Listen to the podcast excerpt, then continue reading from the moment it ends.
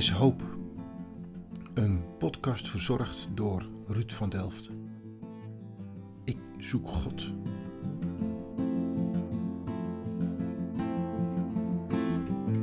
In deze podcast willen we je graag uitdagen na te denken over een bijzonder begrip. Over vergeving en de gevolgen.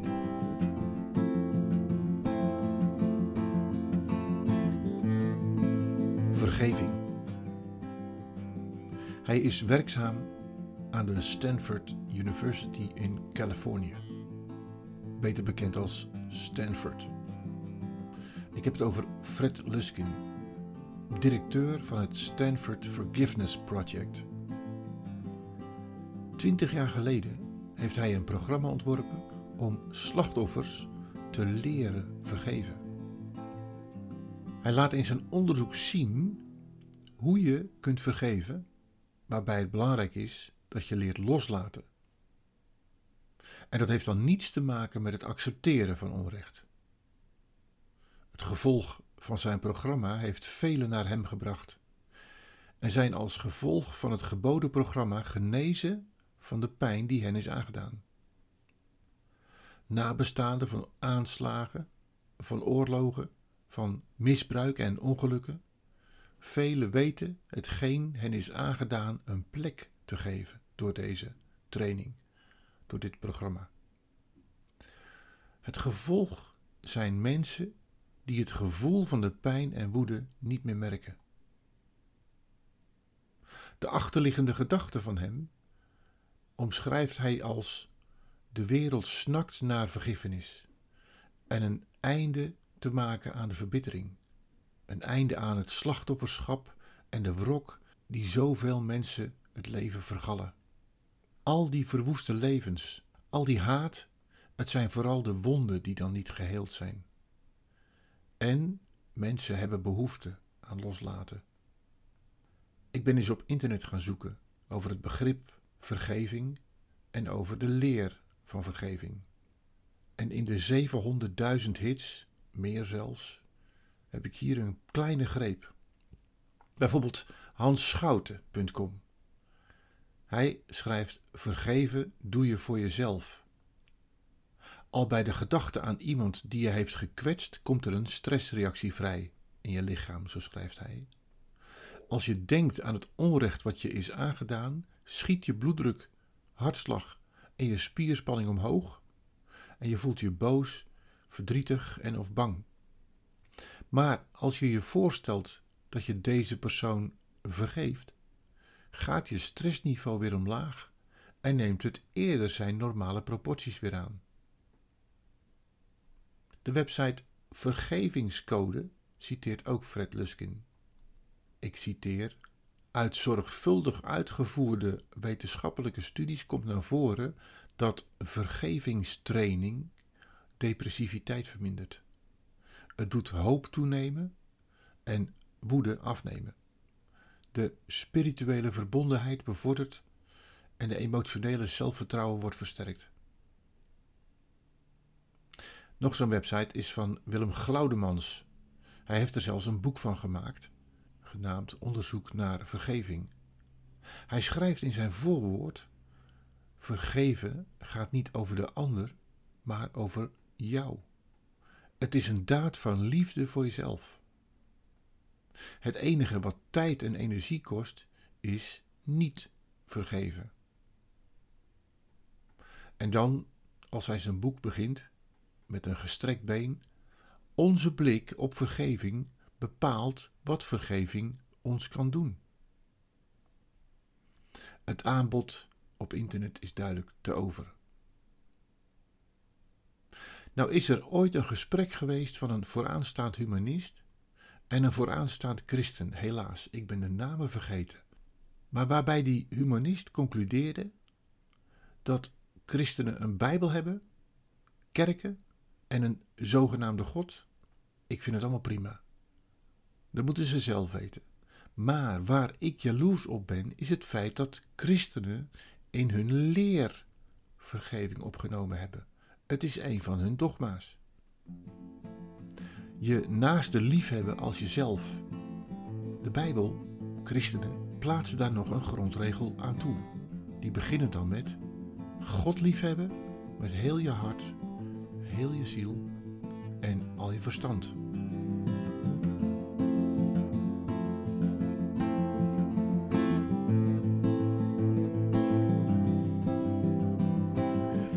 Het belangrijk te vermelden dat vergeving uit twee aspecten bestaat: genade en waarheid.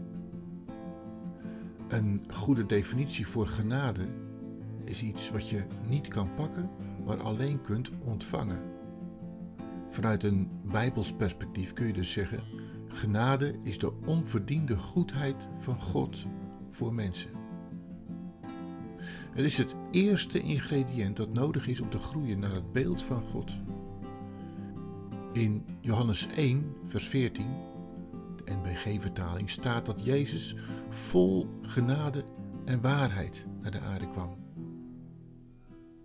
In zijn boek Vier stappen naar een sterke identiteit omschrijft Dr. Henry Cloud treffend dat genade zonder waarheid dodelijk is. Wetteloosheid en losbandigheid liggen dan op de loer.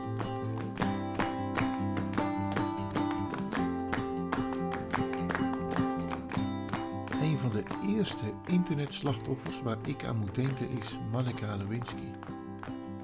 Haar affaire met Bill Clinton ging viral. Vaak heb ik mijzelf afgevraagd hoe het toch met haar zou zijn. Nu heeft ze een paar jaar geleden een TED-talk gegeven. En in die TED-talk heeft ze aangegeven dat ze door een zeer diep dal heen is gegaan, waarbij het ook vaak genoeg verkeerd leek te gaan. Maar inmiddels heeft ze niet alleen vergeving geschonken aan allen, en dat zijn er heel veel, maar ook haar trauma heeft ze weten om te zetten in een kracht waarbij ze nu overwegend vrouwen helpt die in eenzelfde situatie zijn terechtgekomen. Over vergeving gesproken. De grondlegger van Stichting De Hoop, een organisatie die zich richt op drugsverslaafden en hen helpt afkicken met een arbeidsprogramma en vervolgstappen, deze grondlegger Teun Stortebeker heeft ooit een boekje geschreven met als titel Als David je vader is. Daarin schrijft hij over, laat ik hem Wim noemen, over een kleine jongen. Hij heeft ooit achter het huis in een houten schuurtje met vuur gespeeld met alle gevolgen van dien. Gelukkig bleef de schade beperkt, maar de brandweer moest er wel bij komen. En toen alles geblust was, vroegen ze na afloop de moeder of die kleine Wim misschien met vuur gespeeld had. Moeder ontkende, waarbij ze dus alleen genadig wilde zijn, maar niet met de waarheid op de proppen kwam. In dit geval is Wim uiteindelijk opgegroeid als een crimineel, waarbij mogelijk ook dit voorval invloed daarop heeft gehad. Genade alleen is niet voldoende. Als het gaat om de waarheid alleen, is het een open deur naar veroordeling. Of, zoals Romeinen 4, vers 15 zegt, de wet brengt wraak. Alleen maar met de waarheid aan de gang gaan is geen goede voedingsbodem voor vergeving. De aangeboden programma's van mensen als Fred Luskin en Wim Glaudemans, Marta Nussbaum, noem ze maar, zijn een deur naar een hernieuwde start loslaten. Echter, als het gaat om gerechtigheid, is het programma tekortschietend. En daar zit nou net de kern van het evangelie. Onderschat niet de boodschap van vergeving die de Bijbel aanreikt. Zeker niet als de Bijbel een spiegel voorhoudt dat we allemaal vergeving nodig hebben. Als je slachtoffer bent, en dat is verschrikkelijk, maar het moet geen groen licht zijn om de zaak in eigen handen te nemen voor de veroordeling. Het vasthouden daarvan kan gevolgen hebben die je niet kunt overzien.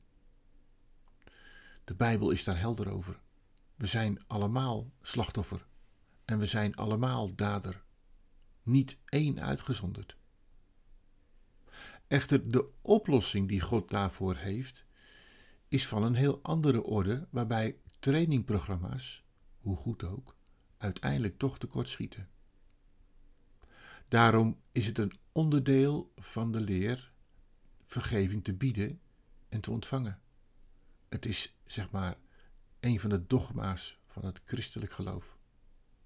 Sterker gezegd, God liefhebben boven alles en je naaste als jezelf.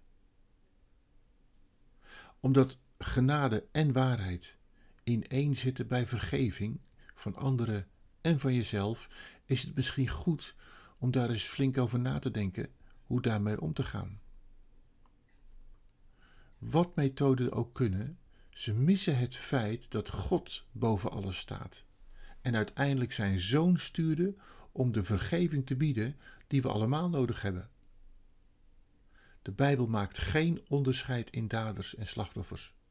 We zijn beide, zowel dader als slachtoffer.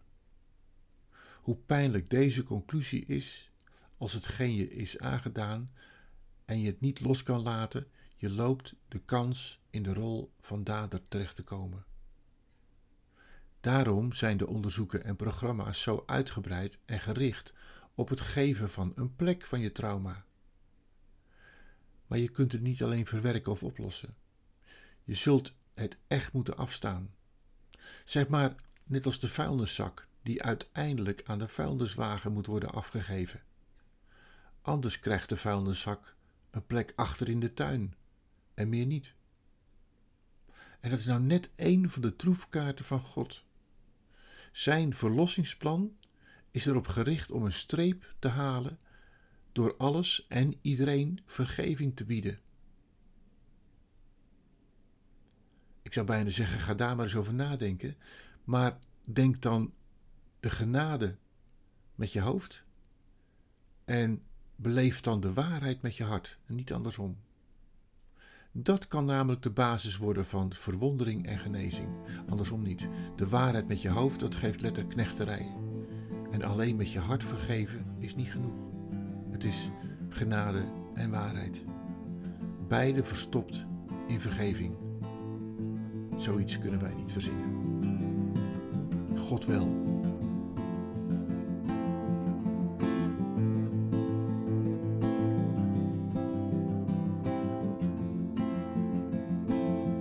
Er is hoop. Een podcast verzorgd door de Stichting Agape. Motto van de stichting is: geloven, groeien en gaan. Geloven, omdat we vanuit onze eigen zoektocht mensen willen stimuleren mee te zoeken naar God, mee te zoeken naar mensen en hen ook te wijzen op Jezus. Want wij geloven dat God betrouwbaar is en de moeite waard om te zoeken. Groeien omdat we mensen zoals jij willen helpen en stimuleren te groeien in de relatie met Jezus en zijn leerling te worden. Gaan, we sporen mensen zoals jij aan om anderen te helpen ontdekken wat het is om te leven met Jezus. We leren je om je leven te delen in je eigen omgeving of de plek waar God je naartoe stuurt.